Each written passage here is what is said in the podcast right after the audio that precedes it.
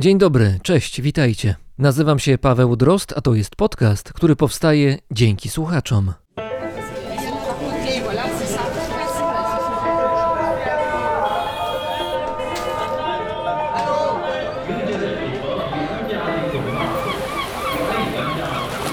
Brzmienie świata z lotu Drozda.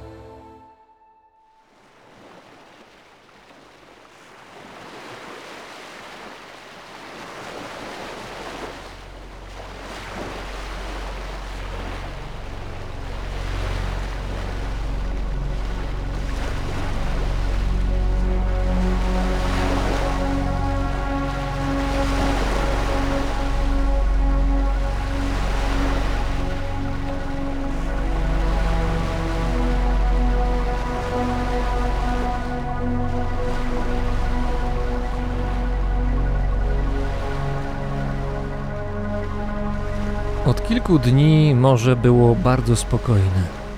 To była dobra i zła wiadomość. Dobra, ponieważ nie trzeba było walczyć ze sztormem, a zła, ponieważ z niemal bezchmurnego nieba nie spadła ani jedna kropla wody. Tymczasem pan Lian czuł, że jego gardło przypomina pustynię. Chciał pić, a zapasy wody na jego drewnianej tratwie wyczerpały się.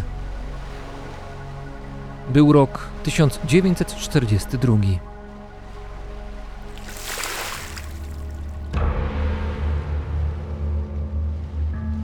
Wśród niewielkich fal pan Lian zauważył ruch. Chwilę później, powyżej tafli wody, pojawiła się płetwa grzbietowa, której charakterystyczny kształt rozpoznają nawet szczury lądowe. Rekin. Kilka rekinów. Prawdopodobnie poczuły woń ptaków, których resztki znajdowały się na tratwie. Widok rekinów nie tylko nie przestraszył pan Liana, lecz wręcz go ucieszył. To była jego szansa. Poczuł, że wstąpiły w niego nowe siły i sięgnął po narzędzia. Wygięty gwóźdź, który pełnił rolę haczyka oraz podwójnie splecioną konopną linkę. Na gwoździu umieścił pozostałość jednego z ptaków, który wcześniej służył mu za posiłek i tak skonstruowaną pułapkę wrzucił do wody. Rekiny zaczęły zbliżać się do tratwy. Były niemal na wyciągnięcie ręki. Spodziewając się nadciągającej walki, pan Lian owinął dłonie płótnem. Nie czekał długo. Jeden z rekinów połknął przynętę, a wtedy człowiek pociągnął za linkę. Rekin ważył niewiele więcej niż pan Lian, ale wydobycie go na tratwę wymagało nie lada wysiłku. Gdy w końcu ryba znalazła się na pokładzie i wyglądało na to, że polowanie zakończyło się sukcesem, rekin zaczął szamotać się po tratwie, próbując dostać myśliwego w swoje szczęki. Ten chwycił to, co miał akurat pod ręką nieduży garnek i użył tej nietypowej broni. Okazała się skuteczna i w końcu rekin został pozbawiony życia.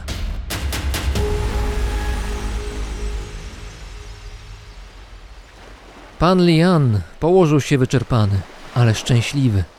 Teraz będzie miał nie tylko co jeść, ale również co pić.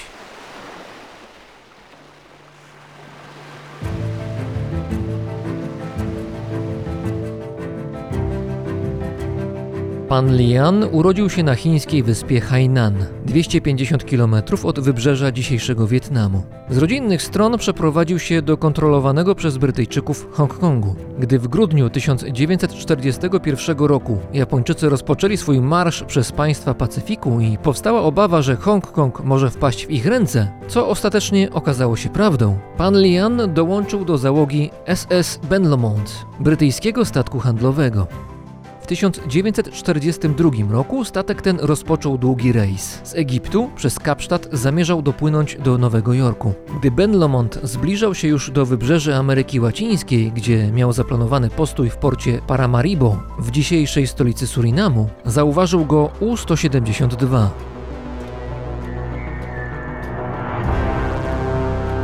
Był to niemiecki okręt podwodny, który patrolował wody południowego Atlantyku. U-172 miał na swoim koncie udany patrol, w trakcie którego posłał na dno kilka brytyjskich jednostek. Ben Lomond, który płynął bez eskorty, był łatwym celem. Dwie torpedy zatopiły go w ciągu dwóch minut, a niemiecki okręt podwodny odpłynął z przekonaniem, że cała załoga zginęła. Tak jednak nie było. Spośród 54 marynarzy uratował się jeden człowiek pan Lian. Rozbitek zdołał dopłynąć do drewnianej tratwy ratunkowej. Na pokładzie miał niewielki zapas żywności, wodę oraz race i świece sygnalizacyjne. Tratwa była wyposażona w prosty, prezentowy dach, który zarówno chronił przed słońcem, jak i mógł być wykorzystany do zbierania wody deszczowej. Jedzenie szybko się skończyło, dlatego pan Lian stworzył improwizowany sprzęt wędkarski. Do tego celu wykorzystał jako haczyk drut wyciągnięty z latarki, która była na wyposażeniu tratwy. Na większe ryby miał inny haczyk gwóźdź, który z wielkim trudem wydobył z drewnianego pokładu. Od tego czasu dieta pan Liana składała się przede wszystkim z ryb, które kroił przy pomocy noża stworzonego z puszki po herbatnikach, a mięso suszył na słońcu. Zdarzały się sytuacje, kiedy był w stanie upolować ptaka. Jak sam wspominał, taka zdobycz była szczególnie cenna, nie tylko dlatego, że zapewniała urozmaicenie w jego nieskomplikowanej diecie. Po upolowaniu ptaka, pan Lian wysysał z niego krew, co pomagało mu uzupełniać braki wody pitnej. Podobnie postąpił z upolowanym przez siebie rekinem. Tutaj wartościowa była wątroba, trakcie dryfowania na tratwie pan Lian był widziany przez kilka statków. Nie podjęto jednak żadnej próby uratowania go. Być może wzięto go za Japończyka, być może powodem była daleko idąca ostrożność. Na Atlantyku bowiem trwała wojna, a kapitanowie statków wiedzieli, że Niemcy stosują czasami podstęp. Zostawiali na wodzie niewielką łódź, której załoga wzywała pomocy. Gdy podpływał do niej statek, przyczajony niedaleko ubot mógł łatwo trafić w nieruchomy cel. Czy pan Lian był uznany za taką przynętę? Być może. Wiadomo za to, że po 133 dniach spędzonych samotnie na morzu, na małej, drewnianej tratwie, został uratowany przez rybaków u wybrzeży Brazylii. Gdy wrócił do Wielkiej Brytanii, został uhonorowany orderem przez króla Jerzego VI, a jego doświadczenia posłużyły brytyjskiej marynarce wojennej za materiał do podręcznika sztuki przetrwania na morzu.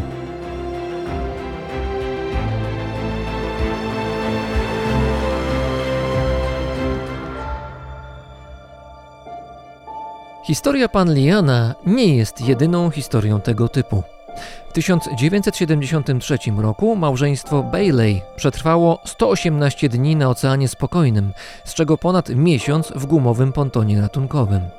W 1989 roku uratowano czterech żeglarzy, którzy przez 119 dni dryfowali na zniszczonym Trimaranie niedaleko Nowej Zelandii. W 2006 roku na Pacyfiku odnaleziono Jesusa Vidanie. Był meksykańskim rybakiem, który spędził na zepsutej łodzi rybackiej 9 miesięcy. W 2014 roku na Wyspach Marszala pojawił się José Salvador Alvarenga, salwadorski rybak, który, jak się uważa, spędził w małej łodzi na Pacyfiku około 14 miesięcy. Jego relacja, choć nie do końca udokumentowana, wydaje się prawdziwa. Takich przykładów jest znacznie więcej i nie dotyczą tylko morza. Wszyscy ci ludzie, mimo skrajnych przeciwności, zdobywali się na niemal nadludzki wysiłek, by walczyć o przetrwanie. Wykazywali się też pomysłowością i wolą życia. Byli aktywni w obliczu zagrożenia, zachowując jednocześnie przytomność umysłu. Myślę, że mój rozmówca, którego za chwilę usłyszycie, ma z nimi wiele wspólnego.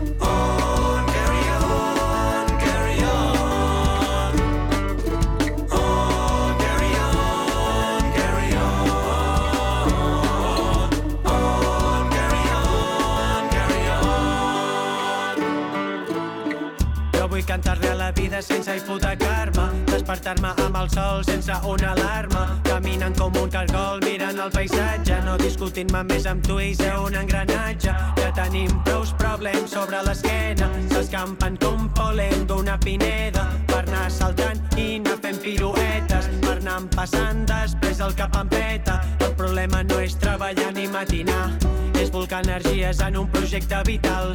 Tancat a la cova s'obren els portals vinc de molt enrere clavant el puntal. Què podria fer, què podria fer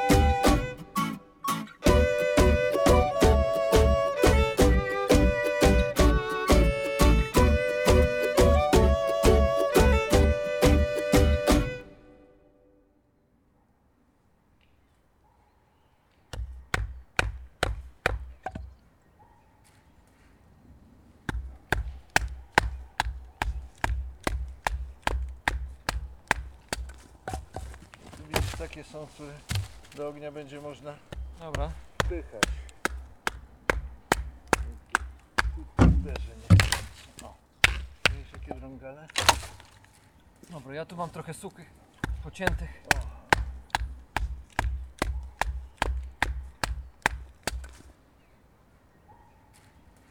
Jesteśmy w gościach u Krzysztofa Kriska Kwiatkowskiego, człowieka, którego z powodzeniem można nazwać nestorem e, sztuki survivalu, sztuki przetrwania w Polsce.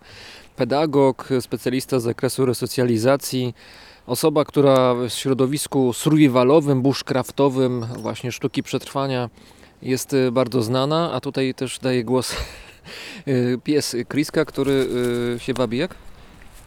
Ona ma na imię Era, którego to imienia właściwie nie używam, bo do niej mówię pies. Pies, chodź tu. Pies, spokój. Era w tej chwili e, zajmuje się piłeczką. Piłeczka już była wielokrotnie wyrzucana tutaj w krzaki. Następnie niezwykle szybko aportowana i pytanie jest, kto się szybciej zmęczy, czy pies, czy człowiek. Mam wrażenie, że jednak człowiek. W tej chwili obgryzone jest drewno, które jest przygotowane na ognisko.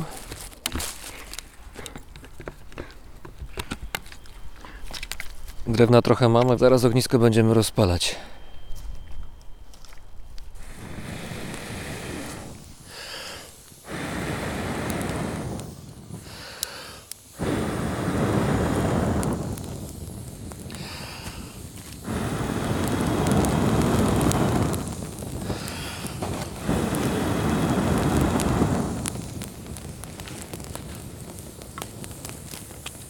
Krisku, wiesz, pamiętam, że jeszcze kilka dni temu, jak wróciłem spod granicy polsko-ukraińskiej i miałem dużo myśli w głowie i też sporo się działo zarówno w Polsce w związku z falą uchodźców, jak i na Ukrainie i wszyscy mieliśmy takie poczucie, że pozmieniały się zasady, które wydawały się niezmienne, pozmieniały się fundamenty tego, co wydawało się właśnie fundamentem. Ten fundament zniknął, uciekł nam spod nóg, zaczynamy się chwiać, szukamy równowagi.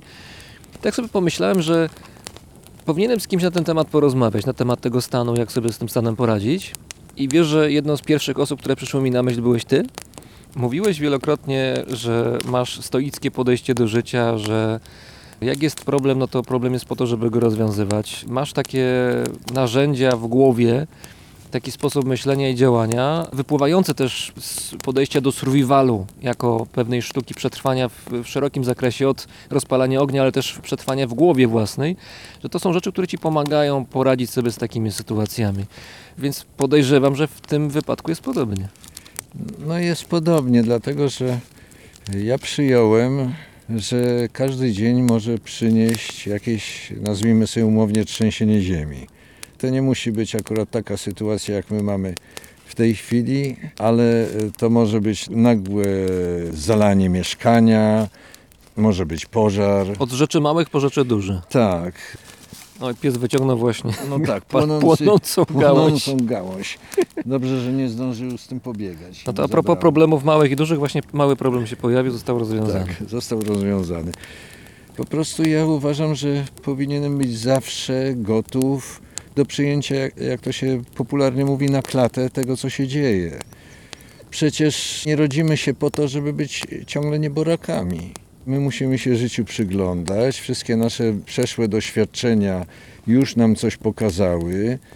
Mamy swoje małe, małe, większe i bardzo duże systemy ratownicze i wiemy, jak, w jakiej sytuacji, jak zareagować. Ja sobie przypominam coś takiego, takie zdarzenie, jak będąc w gościnie u kogoś z pieskiem moim, potrąciłem słoik, który spadł na ziemię i się rozbił. Stałem ja, druga osoba i pies. I ta druga osoba mi powiedziała: weź szybko szufelkę i szczotkę i to pozbieraj. A ja powiedziałem: najpierw trzeba podnieść psa, że się nie pokaleczył, bo to mogło się przydarzyć najgorszego w tej sytuacji. Jak już psa podniosłem, przeniosłem gdzieś dalej, to wtedy się wzięło szufelkę, szczotkę i się zrobiło porządek z rozbitym szkłem. Ja jestem po prostu tego zdania, że zawsze być trzeba gotowym do jakiegoś działania. Trzeba rozumieć, co się dzieje. Trzeba wyławiać te szczególne elementy, które wymagają naszej interwencji, a nie wszystko naraz. Bo będziemy się miotać po prostu i być może nawet w ogóle nie zaradzimy nieszczęściu. To jest chyba też odpowiedź na tę chwilę, bo mamy wpływ na coś albo na coś nie mamy. Albo mamy wpływ ograniczony, w jakimś tylko niewielkim zakresie. Więc róbmy to, co powinniśmy teraz, na co nas stać, co możemy. Nie powinniśmy przeżywać osobiście, mówię o osobistym przeżywaniu, takim, które nas w ogóle w pewnym momencie przerazi, zatka i unieruchomi. Ale rozumiem, że nie, nie nawołujesz do tego, żeby wyłączyć empatię wewnętrzną. Nie, nie, nie, nie, nie, nie, wręcz przeciwnie. Empatia wewnętrzna jest niezwykle potrzebna, ale to jest nasza wskazówka moralna, co powinniśmy robić, w jakim zakresie. A nie jest to bodziec do tego, żebyśmy poszli gdzieś w kąciku połkać sobie, bo to jest najgorsze rozwiązanie. Wpadanie w bezradność jest, jest straszne. To znaczy, może się zdarzyć każdemu człowiekowi. Ja nie mówię, że to jest wynik woli. Postanowiłem sobie właśnie popłakać. Jest to często reakcja odruchowa, ale naprawdę trzeba się szybko ogarnąć. Bo tu wymagane jest działanie, a nie zajmowanie się swoim stanem psychicznym. Przepraszam, ja to teraz tak już tylko o sobie powiem, ale ja już przeżyłem wiele sytuacji, w które po prostu wkraczałem, grałem tak zwane pierwsze skrzypce, a to były pożary, to były jakieś sytuacje, gdzie ktoś był poszkodowany na ulicy, potrącony, przejechany przez tramwaj, bo o takich sytuacjach mówię, gdzie ludzie nad tym biednym człowiekiem stali i się gapili. I nikt nic nie robił. Być może ktoś coś zrobił ważnego, zadzwonił na pogotowie. Człowiek poszkodowany na przykład może przeżyć tylko dlatego, że ktoś się nad nim pochylił, wziął za rękę i zaczął do niego przemawiać. I mówił rzeczy, które mu pokazywały, to było tak w moim przypadku, które mu pokazywały, że wcale nie jest tak źle, kiedy ja widziałem, że jest fatalnie. Taki człowiek uważa, że nie jest tak najgorzej i zaczyna inaczej oddychać. No to na tym polega. Ja bym powiedział, że ja mam takie dziwne przeświadczenie, że zawsze sobie poradzę. To przeświadczenie się budowało.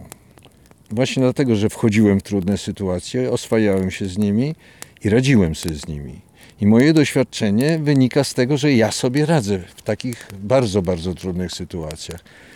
Pracowałem w zakładzie wychowawczym, to na przykład potrafiłem nie stracić zimnej krwi, kiedy dwóch trzymało jednego chłopaka za nogi za oknem, bieżącemu głową w dół. Przecież ja mogłem nagle krzyknąć, co wy tu robicie, a niby odruchowo puścili. Mogło się zdarzyć? Więc ocena sytuacji jest tu bardzo istotna i to, jak ja zareaguję, jest bardzo istotne. Ja nie mogę sytuacji popsuć przede wszystkim. Zachowujesz spokój i równowagę umysłu niezależnie od tego, co się akurat dzieje wokół ciebie. To znaczy, często dramatycznych zdarzeniach okazywało się, że ja jestem czasem ten jedyny przytomny, ten, który wie, co, co trzeba robić, który szybko uspokoi innych ludzi i zaktywizuje ich, żeby pomagali. No, byłem zaskoczony, jak, jak w moich myślach to znalazłem, ale nie byłem tak do końca zdziwiony, bo czego by nie powiedzieć, to praca z trudną młodzieżą w zamkniętym ośrodku, Byłeś tam pedagogiem, wydo- wychowawcą. Byłem tym wychowawcą, tak. 24 lata pracowałem w tym jednym miejscu, ale przedtem byłem w pogotowiu opiekuńczym, trochę w domu dziecka. No i przede wszystkim to, że ja się w ogóle zająłem survivalem i no troszkę go sprawdzałem na samym sobie. Po prostu najzwyczajniej trzeba było mieć trzeźwy umysł. I koniec. To była podstawa, która mogła e, zadecydować o tym, czy nam się uda, czy się nie uda. Nie nasze sprzęty, które mieliśmy. Czy takie coś to się zdobywa na kursach survivalowych, czy to jest raczej podejście, które się w głowie ma, albo kombinacja jednego i drugiego? To znaczy kursy survivalowe w zasadzie są kursami przygotowującymi technicznie. Sprzętowo, prawda? Jak Tak. rozpalić ogień na 15 tysięcy sposobów, Tak. Schronienie zrobić i tak dalej. Chociaż to też są przydatne rzeczy. Ale też, nie, też no oczywiście, że to jest przydatne i, i to e, robić trzeba. Tylko to nie jest wszystko, bo w survivalu naczelną rolę odgrywa psychika. Czyli jak reaguję na sytuacje trudne, czy sobie poradzę, czy nie, czy padam od razu i jestem nieszczęśliwy, czy działam. Bo zawsze wtedy, kiedy człowiek zaczyna ulegać sytuacji i w zasadzie mogę powiedzieć, poddaje się, to przepraszam, nie jest survivalowcem. Zawsze będzie jakieś wyjście. Tylko trzeba je odszukać w swojej głowie. Nie chcę, że to brzmiało jak jakaś przechwałka, ale mój stan umysłowy i psychiczny jest taki, że ja zawsze jestem przekonany, że po prostu sobie poradzę. Cokolwiek by się działo. To jest y, chyba mm, jakaś zdolność do bardzo szybkiej reakcji ze względu na właściwy odczyt sytuacji. Wiem o co chodzi. Aha, no to mogę pomóc. Pies, który nazywany jest psem, kręci się w okolicy cały czas, domaga się uwagi. Ale ogień też się domaga uwagi. Patrz, nagle dwóch facetów sobie przypomniało, że można posiedzieć o takiej porze zimnej przy ognisku w ciemnościach. Super. Bardzo mnie cieszy, że wpadłeś na to. Cała przyjemność po mojej stronie.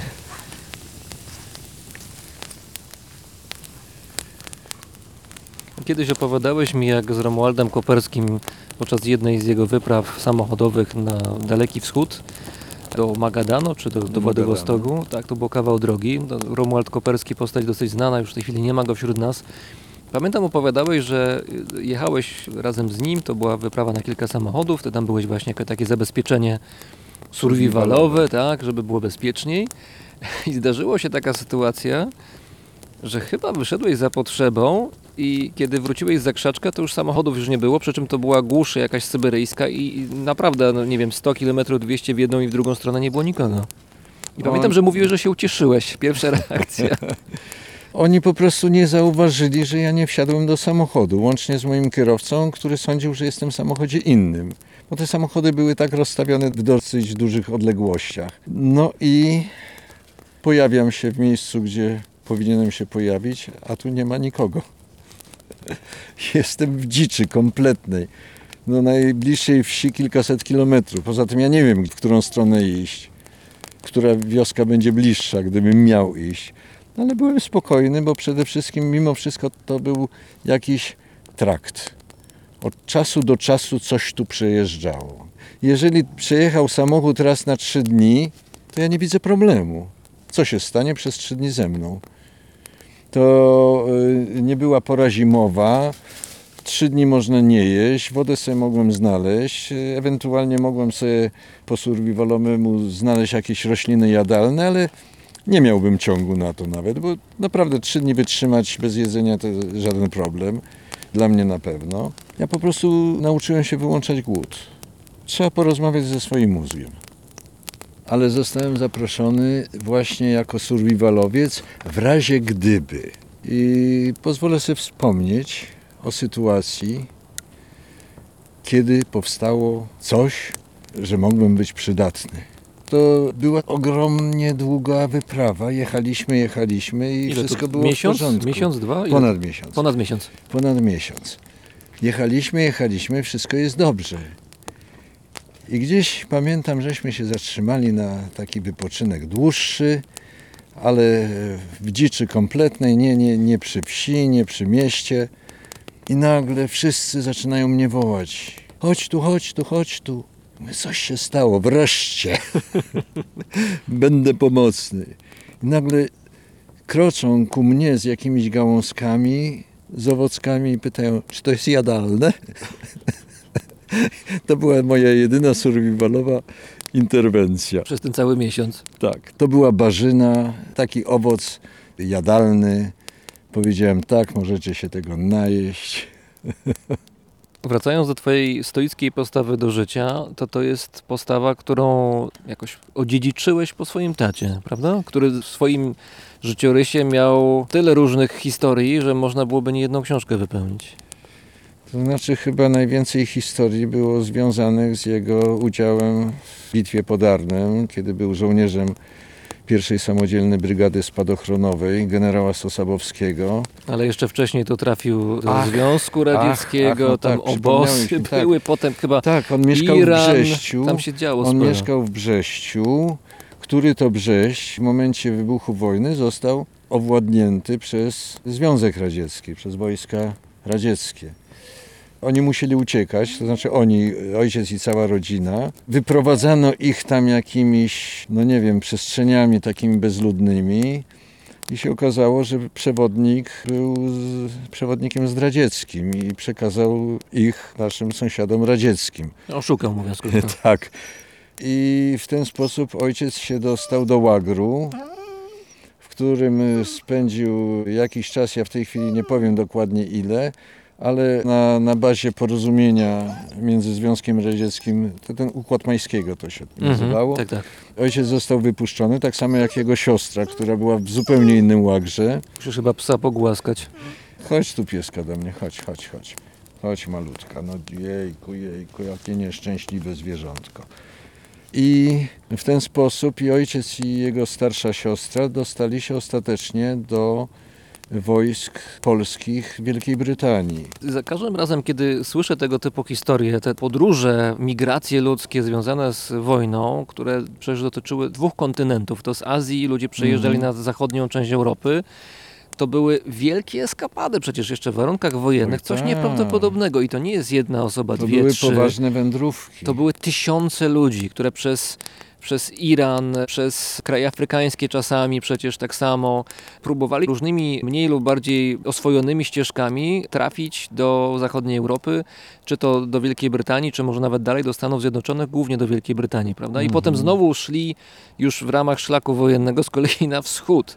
Więc znowu były wielkie, wielkie ruchy ludności. To jest coś nieprawdopodobnego. A w tej chwili, jak rozmawiamy o tym, że ktoś, nie wiem, samolotem poleciał do Tajlandii, to jest wielka wyprawa. To, Och, to są Boże, zupełnie- tak, nie to ma, to jest, to jest nie, do, nie do porównania w żaden sposób. No przecież trzeba dodać, że ojciec był akurat w tej grupie polskich żołnierzy, którzy przedostali się na drugi brzeg Renu od miejscowości Drill, gdzie Polacy wylądowali, do miejscowości koło Arnem, Osterbeck. I tam ojciec był żołnierzem walczącym z konkretnego budynku do konkretnych Niemców musiał strzelać. Ale to jeszcze przypomnijmy, na czym to polegało. To znaczy, to była operacja Market Garden, Tak. wymyślona mniej więcej w ten sposób, że Przez Montgomery'ego. przed Montgomery'ego, marszałka brytyjskiego, który wymyślił plan następujący. Zrzucamy desant na tyły niemieckie, opanowujemy system mostów na różnych rzekach i dzięki temu Do jesteśmy, tak, jesteśmy w stanie przyspieszyć ofensywę aliantów na wschód, przy czym y, ważne było, żeby te mosty opanować, żeby Niemcy z kolei nie mogli ich wysadzić, co spowoduje z kolei e, spowolnienie ofensywy. Więc to był wyścig z czasem. Kto pierwszy? Czy alianci opanują mosty, czy Niemcy je wysadzą? I tutaj pojawia się hasło o jeden most za daleko, bo ta akcja się nie udała. Główny jeden most, ostatni właśnie w Arnhem, nie został zdobyty i cała operacja zakończyła się wielkim fiaskiem, wielkie straty po stronie aliantów, no i trzeba przyznać zwycięstwo niemieckie. I twój tata brał udział w tej bitwie Tak. w ramach oddziału pierwszej samodzielnej Brygady Brygady, Spadochronowej. Sosabowskiego, bardzo znany oddział. Twój tata do tego oddziału należał i brał udział w walkach. Tak, i w momencie, kiedy z miejscowości Osterbeck trzeba było się wycofać z powrotem do swoich, to niestety nie było już tak łatwo, bo Niemcy tam się wdarli. Ojciec został przechwycony na północnym brzegu. No i cóż, tym razem dostał się do niewoli niemieckiej. Powiedział, że warunki były znacznie lepsze niż na wschodzie. Dziwne takie porównania, prawda?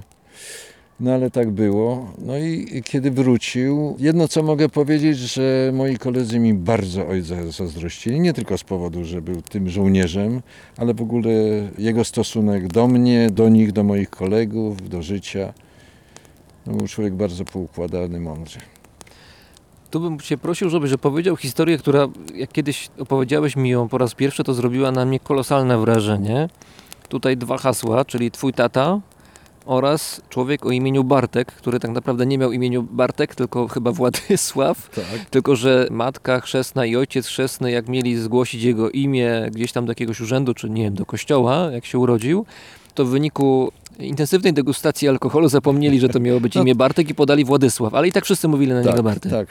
Ojciec poznał Bartka, kiedy byli razem żołnierzami szkolącymi się spadochronową generała Sosabowskiego. Wielkiej Brytanii. Wielkiej Brytanii.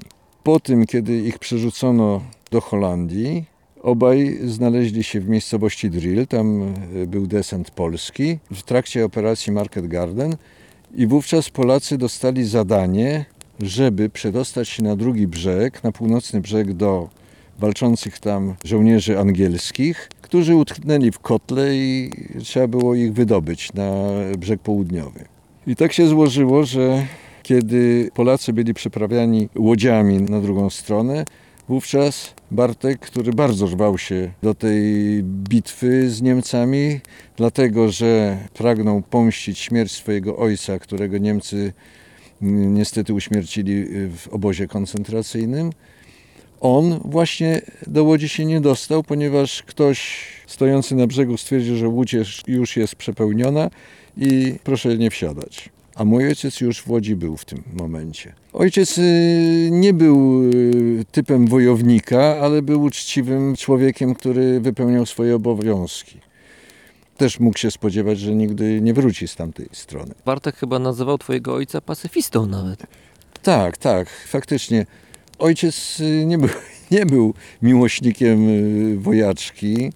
To znaczy on uważał, że wszystkie sprawy można załatwiać przez dogadanie się. Natomiast no, został odznaczony za bohaterstwo po drugiej stronie Renu. Tam walczył w domu holenderskim. Naprzeciwko w domach siedzieli Niemcy i tak strzelali do siebie. I ostatecznie doszło do tego, że człowiek, który chciał walczyć, czyli Bartek, nie walczył i do końca II wojny światowej nie oddał chyba nawet jednego strzału do Tak, przeciwnika. Nie oddał ani jednego A strzału, twój tata, powiedział. który nie chciał za bardzo, nie do końca był przekonany do tego, że wojna jest Tak. sposobem na rozwiązanie problemów, regularne walki toczył. Niesamowita zamiana ról, prawda? 50 lat po wojnie oni się spotkali nagle. Bartek i mój ojciec. Bo to jest niesamowite. Obaj siebie stracili. Jeszcze po powrocie z wojny mieszkali jakiś czas y, na terenie Wielkiej Brytanii i tam każdy z nich zrobił studia. Bartek zrobił studia medyczne, ojciec skończył studia ekonomiczne i później już kontynuował to po powrocie do kraju, miał zawód. I kiedy ojciec razem ze mną przybył na rocznicę 50. bitwy pod Arnem i obaj usiedliśmy w budynku, gdzie się zebrali wszyscy byli żołnierze, którzy przeżyli, którzy mogli y, przyjechać, nagle wyczytano do jakiegoś tam uhonorowania parę osób szczególnych i w momencie, kiedy wyczytano mojego ojca, to nagle zerwał się jakiś człowiek, bo się nie widzieli do tej pory i krzyknął do niego Sławek. I to był właśnie Bartek. Powiem szczerze, że to była niesamowita chwila, kiedy ja ich widziałem, jak siedzieli razem trzymając się za ręce. Oni byli serdecznymi przyjaciółmi, wiele przeszli razem. I nie widzieli się przez 50 lat. I nagle takie odkrycie. W efekcie Bartek nas zaprosił do Stanów Zjednoczonych, gdzie mieszkał. I myśmy tam miesiąc byli i nas oprowadzał, pokazywał to, co robił. Pracował w więziennictwie jako lekarz. Zdaje się, że było tak, że Bartek po tym doświadczeniu wojennym, które właściwie doświadczeniem nie było, no bo de facto nie brał udziału w w wojnie czynnie, zmienił punkt widzenia i doszedł do wniosku, że no, zabijanie to też nie jest sposób na rozwiązywanie konfliktów, nawet w ramach wojny. To znaczy, to podejście, że, że chce pomścić ojca zabijając innych, znikło w nim jakaś. Mało tego, bo on wyraźnie powiedział, jaki ja teraz jestem szczęśliwy, że nie mam na sumieniu żadnego zastrzelonego człowieka. Ja jestem wolny od tego. A jednocześnie twój tata miał o tyle trudno, że no nie tylko brał udział w walkach, co oznacza, że no i widział najgorsze rzeczy, które, z którymi wojna jest związana, ale do tego jeszcze, co jest może istotne, to jest drobiazg, ale warte zauważenia, jego bronią był karabin z lunetą. No właśnie chciałem powiedzieć, że snajper wie, do kogo strzela i czy trafił.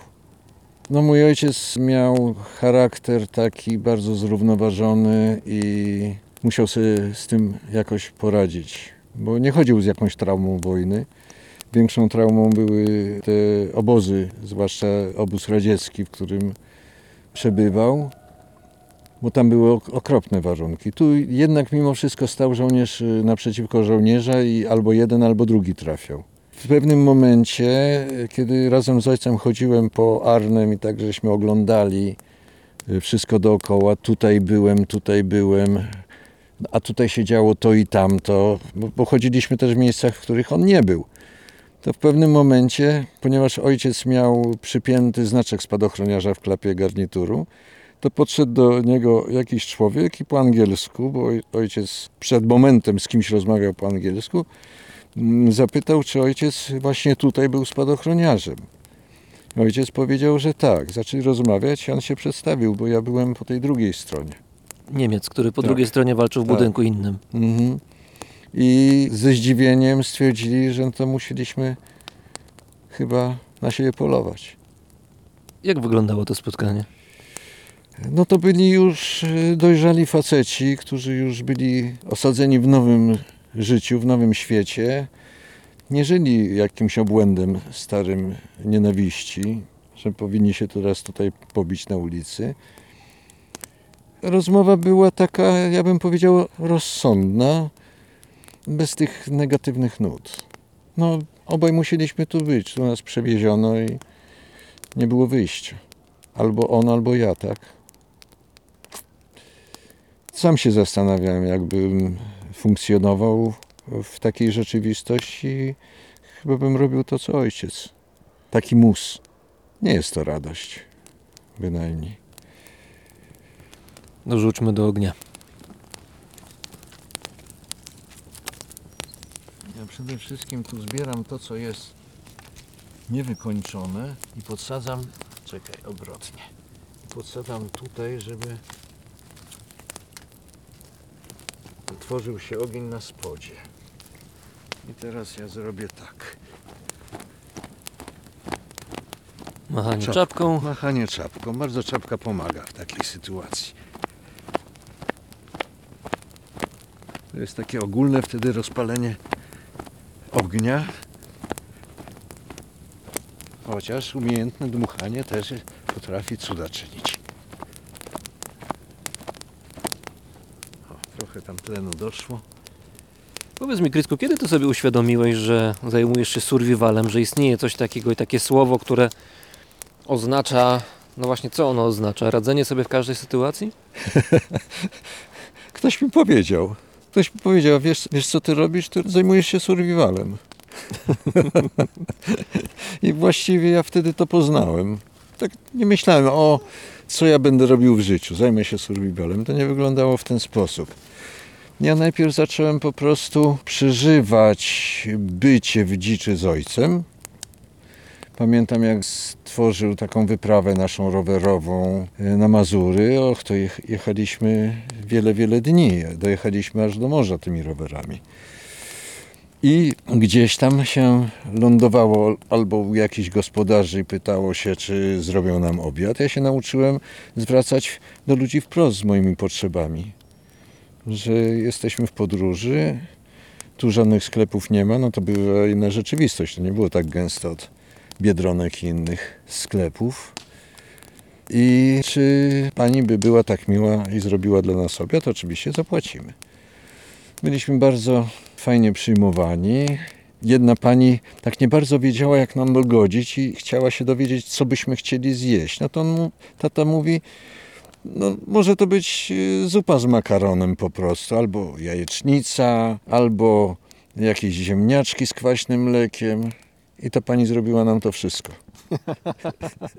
myśmy, myśmy ledwo wyszli.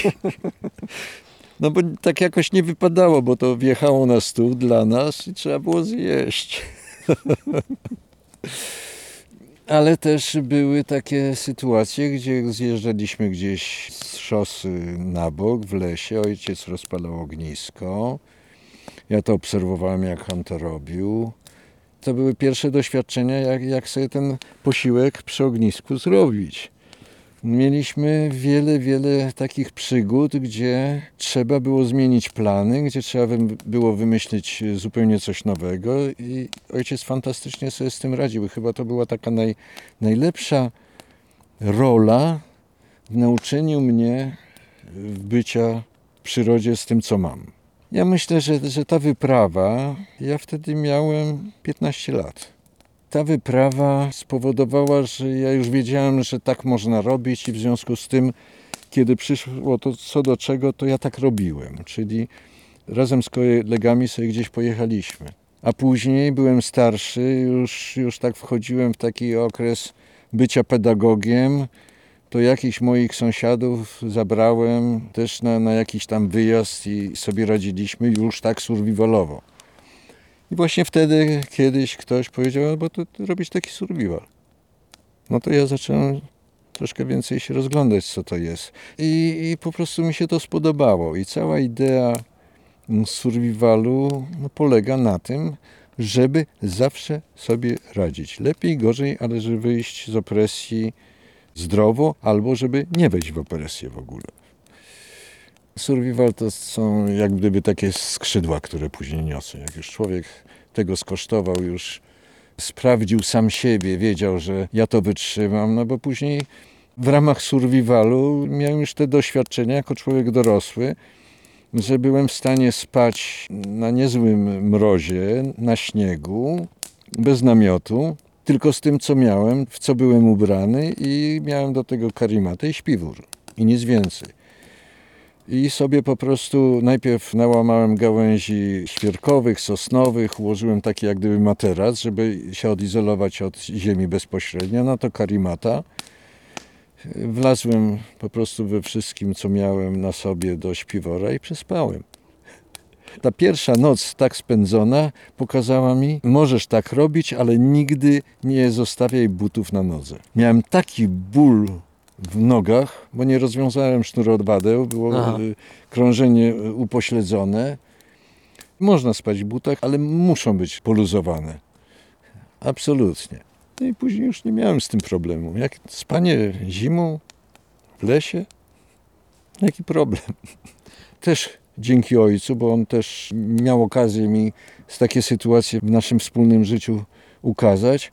On też mi pokazał, że e, coś takiego, że ja w tej chwili jestem tak zwanym naturalnym ratownikiem. Jak coś się dzieje, to ja spieszę z pomocą. To jest bardzo dobra rola.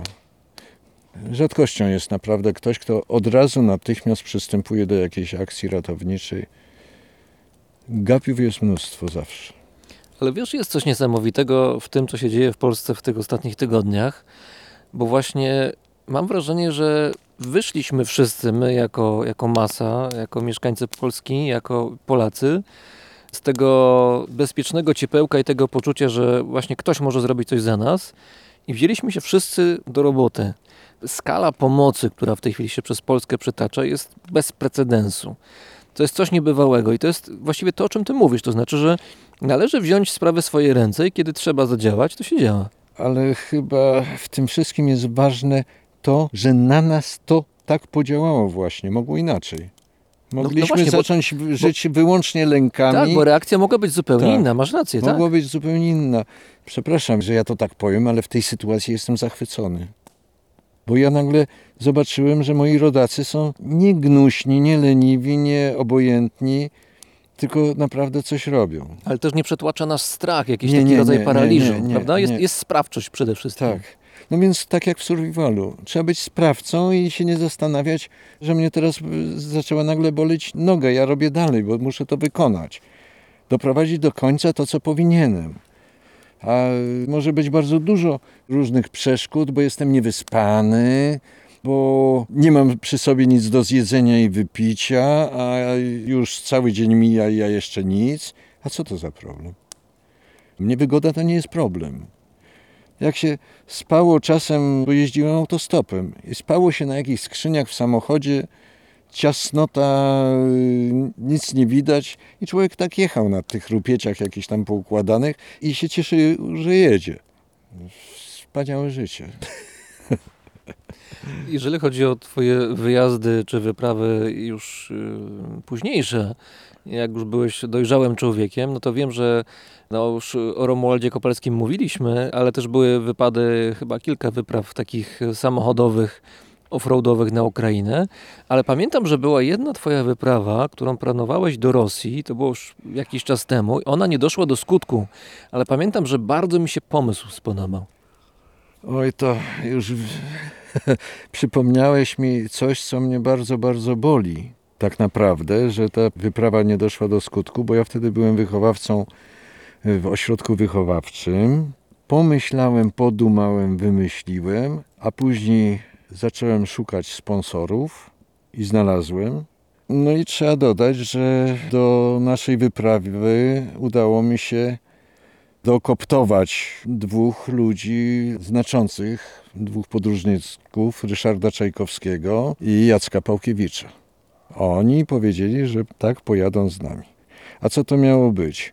W rocznicę upadku meteorytu tunguskiego chciałem zrobić wyprawę wychowanków mojego ośrodka. I myśmy się przygotowywali. Oni się ze mną szkolili survivalowo i w różny inny sposób. A to jeszcze powiedz, czym był meteoryt tunguski, bo może nie wszyscy wiedzą. Nie, no ogromny meteoryt, który spadł z Syberii, niedaleko miejscowości Tunguska. Miejsce niesamowite, bo chyba takiego drugiego na świecie nie ma. To chyba był przełom XIX i XX wieku, czy na początku XX Jakoś wieku. tak. W każdym razie pojechanie w takie miejsce z taką legendą, a w dodatku jak jeździłem z Koperskim, to my przez Tunguską, przez miejscowość Tunguska przejeżdżaliśmy. Tylko żeby tam być, no to trzeba by było sporo odjechać w bok. To znaczy tam, gdzie ten meteoryt rzeczywiście Tak, spadł, bo tak. tam, tam rozumiem, że nie ma nic, to znaczy są jakieś lasy i koniec. tam ludzi nie ma. Mhm. I wszystko by się udało, tylko nagle ktoś postanowił nasz ośrodek rozwiązać. I wszystkie plany wzięły w łeb, rozczarowanie.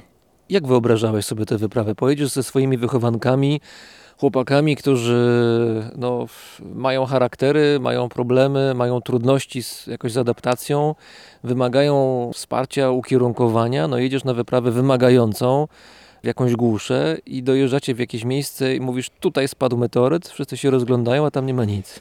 Meteoryt był raczej pretekstem, ale że wyjechać właśnie tam, do innego kraju, stać się w jakiś sposób niezależnym, bo oni by z nikim po rosyjsku nie porozmawiali, bylibyśmy ze sobą. Taka podróż chyba zbliża, nie? Na pewno by były jakieś kłótnie, ale no od tego byliby ludzie, którzy by jechali jako opiekunowie.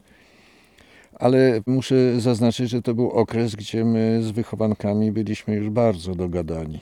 Oni już nam naprawdę nie sprawiali takich kłopotów i przede wszystkim, jak wspomniałem, robiłem przygotowania. My ćwiczyliśmy w terenie i ćwiczyliśmy po prostu bycie na bezludziu z tym, co mamy, szukanie wody pitnej, gotowanie tego, rozpalanie ognia w rozmaity sposób, to wszystko było. Z takimi tuzami, jak mieli nam towarzyszyć, no to w ogóle to był, była rozkosz. Ja dorzucę trochę drewna, bo znowu nam ogień tu przygasa. Musimy troszkę o ten ogień zadbać. Trochę tego jest wilgotnego, ale damy radę. Kiedyś miałem taką okazję i przyjemność wielką z Tobą przeprowadzać w radiu taką akcję, którą nazwałem Od zmierzchu do świtu. Chodziło o, O. taką, chodziło o taką akcję, która polegała na tym, że tworzymy scenariusz, jakoby dwóch kolegów, ty i ja, jechali samochodem z pracy, postanowili pojechać skrótem przez las, to była zima, samochód w lesie się zepsuł, stwierdzili, że gdzieś tam pójdą szukać pomocy przez las, przyszedł zmrok, no i w tym momencie zaczyna się akcja naszej opowieści. I ty i ja, bo my byliśmy bohaterami tej opowieści, na bieżąco relacjonowanej na antenie radia, mieliśmy sobie poradzić, przy czym ja jako zupełnie wtedy zielony człowiek, który ledwo co zapałkami ogień rozpalał, grałem samego siebie, a ty grałeś samego siebie, czyli osobę, która jest przygotowana, ma wiedzę, no i ma tam zawsze różne rzeczy przy sobie. No i w takich warunkach musieliśmy przetrwać noc, spędzić tamtę noc w lesie. Rzeczywiście był śnieg, jakieś minus 4 stopnie to były i następnego dnia dopiero nad ranem, jak już się obudziliśmy, jak już był świt, mogliśmy wrócić spokojnie do, do miasta, do cywilizacji. Taki trochę test na własnym organizmie, przy czym słuchacze mogli się temu przyglądać, jak to można zrobić, jak sobie można z taką sytuacją poradzić. Kiedy już weszliśmy w rolę, stwierdziliśmy, że musimy mieć jakieś schronienie. Jest zima przecież. Nie, nie wiemy, jaka będzie dalej sytuacja pogodowa.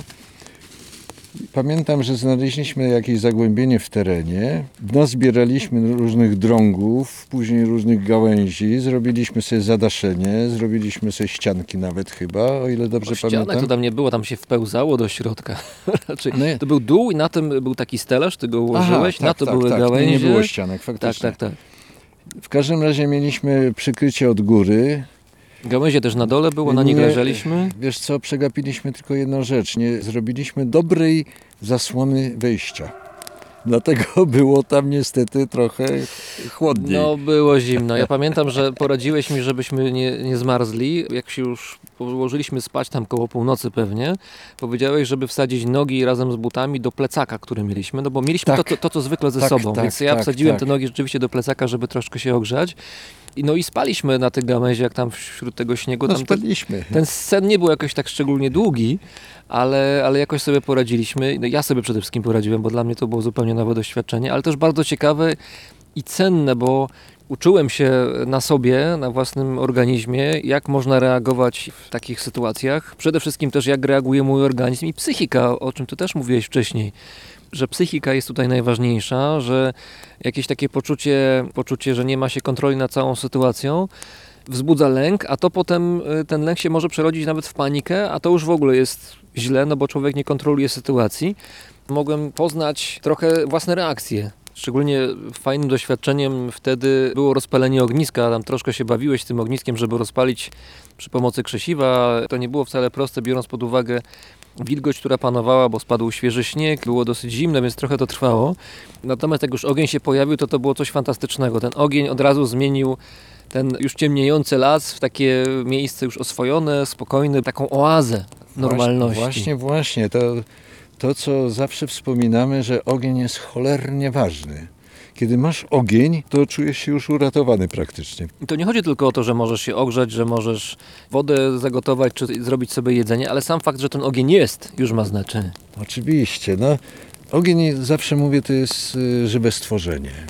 Dodatkowy osobnik, który jest z nami i robi dla nas coś dobrego. Daje nam możliwość widzenia. No tak, bo jeszcze światło jest, to prawda. Tak. Teraz już jest ciemno w tej chwili, tu gdzie jesteśmy, tylko ogień powoduje, że jest jaśniej. W tym momencie też możesz skutecznie działać, rozejrzeć się za jakimś drewnem, bo w jakiejś odległości do ognia jeszcze coś widzisz. Druga rzecz niesłychana, cudowna, najwspanialsza, czyli to ciepło. Zawsze nawet możesz podejść bliżej ognia. Mamy jeszcze siebie i przy ogniu możemy zacząć sobie gadać, a nie zamartwiać się i mówić sobie o jejku, jejku, co ja mam teraz zrobić. Mamy ogień. Jest ratunek. Kiedy myślę o naszej obecnej sytuacji, to oczywiście, że mam pojęcie, że niektórych ludzi to przeraża. E, Może nawet miewają stany lękowe. Niektórych ludzi to pakuje w stan nieustannej gotowości. Nie wiem, czy to tylko mój charakter ten survivalowy to powoduje, czy, czy już mam taką naturę, ale ja jestem e, spokojny. Gdyby coś się miało zmieniać, tak czy inaczej ja sobie poradzę. I to nie będzie walka, prawdziwa walka o przetrwanie, że będę z niczym kompletnie, bo przede wszystkim Mam swoją psychikę stonowaną, spokojną. Nie rzucam się w nerwowych stanach jakichś. Znam jakieś rozwiązania, które mogą mi w życiu pomóc, bo je trenowałem, bo miałem z nimi do czynienia. Jestem też sobie w stanie wyobrazić rzeczy, z którymi do czynienia nie miałem, i zawsze jakaś przychodzi podpowiedź, że mogę zrobić to albo tamto. A ponadto mam dobre układy z ludźmi. Wiem, że na wielu można liczyć. Wiem, że w razie czego mógłbym liczyć na ich pomoc. No na przykład gdyby mi się mieszkanie spaliło, tak? To zawsze się może zdarzyć. Wiem, że nie, nie zostanę z tym zupełnie sam, że ktoś mi pomoże. Wiem, że jeżeli ktoś będzie w fatalnej sytuacji, to na mnie też może liczyć, że mogę się pojawić i pomóc w czymś. To chyba też o to chodzi, prawda, że jesteśmy razem i to jesteśmy razem bardziej niż kiedykolwiek w ostatnich dekadach. Tak, to jest niesamowite zjawisko, że nagle zaczęliśmy siebie wzajemnie widzieć i zaczęliśmy czuć, że jesteśmy ludźmi, od których coś zależy. Że nie jesteśmy zupełnymi ignorantami, nic nas nie obchodzi, to jest ich sprawa. Staramy się mieć wpływ na to, co się dzieje Tak, dookoła nas, a nie, że tylko wpływ. jesteśmy obserwatorami i patrzymy na to, co się dzieje. No i to jest piękne.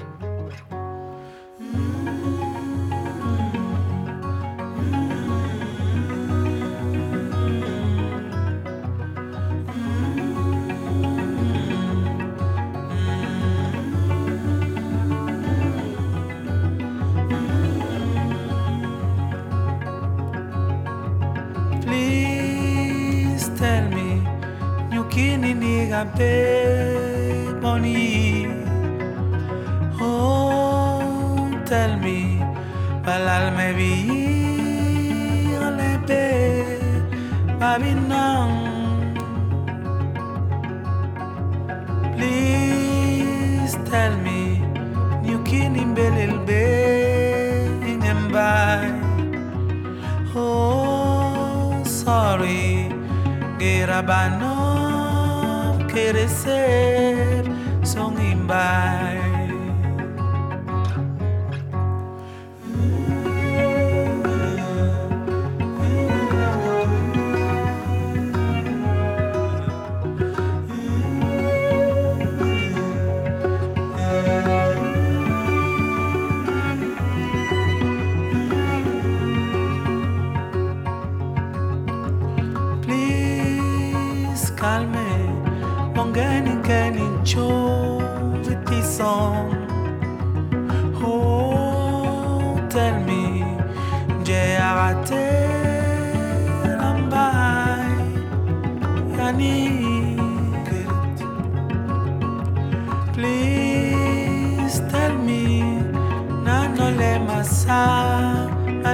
baby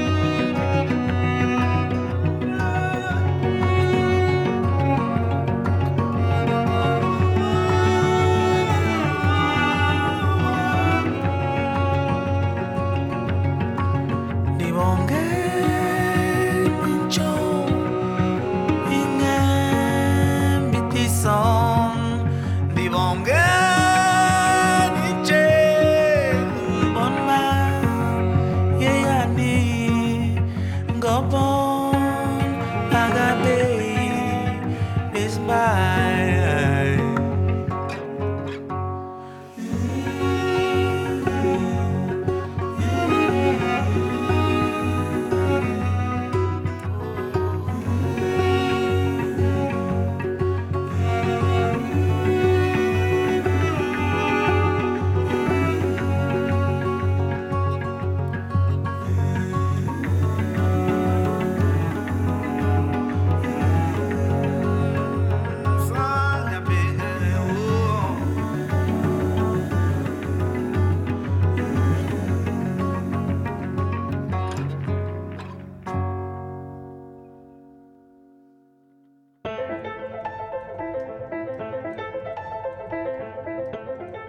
Słuchaliście 97 odcinka Brzmienia Świata z lotu Drozda. To podcast, który powstaje dzięki słuchaczom, którzy wspierają mnie na Patronite.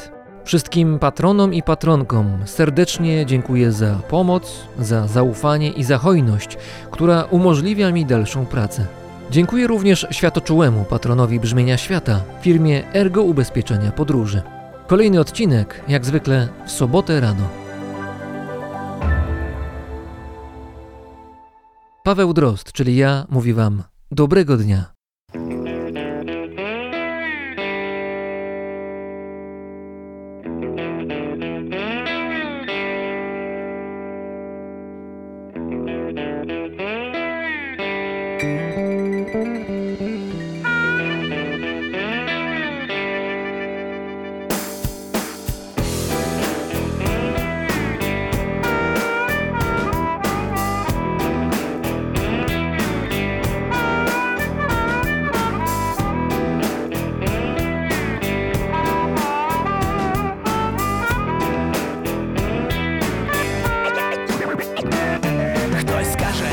Випадок, я кажу, це рок. Перед вами справжній океанський вовк. Ви бажаєте історій, я хочу вина.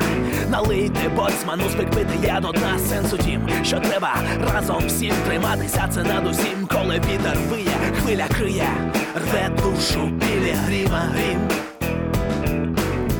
Поки ми разом в небі плескають вітрила, поки ми разом з нами вища сила, Зроста напруга, мій попуга каже, я п'яний. Але коли я був малий, то я вже знав, як від цепи. Відтоді туди-сюди вузли в'язав у бігуді. Нема на карті тих морів, де я б хоч двічі не ходив.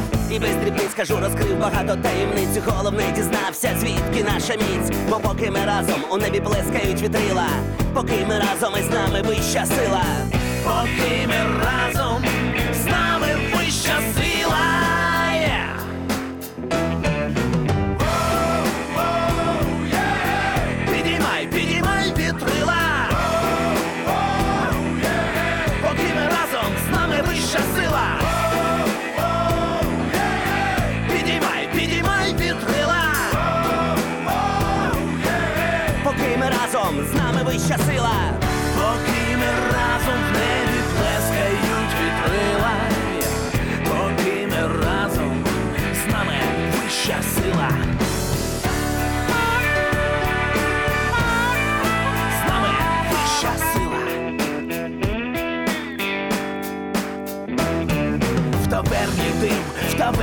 таверні Один стакан ціна усім словам. Сіль на руках, біль в головах І планів вже нема. Але за правилами гри Підливи мрак тривають до пори. І вже готові прапори Команда на борту. Важкі роки і навпаки, коли думки твої легкі, багач підняк і встиг не встиг. Тримайся за своїх.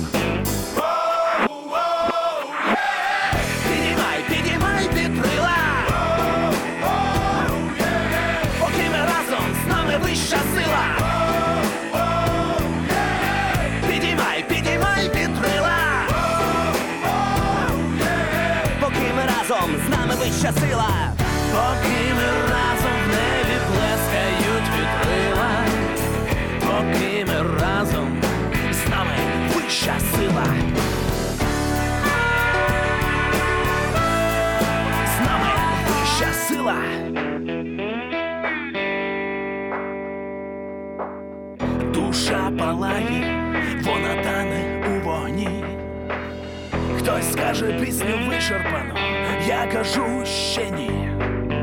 Бо поки ми разом в небі плескають вітрила, поки ми разом з нами вища сила.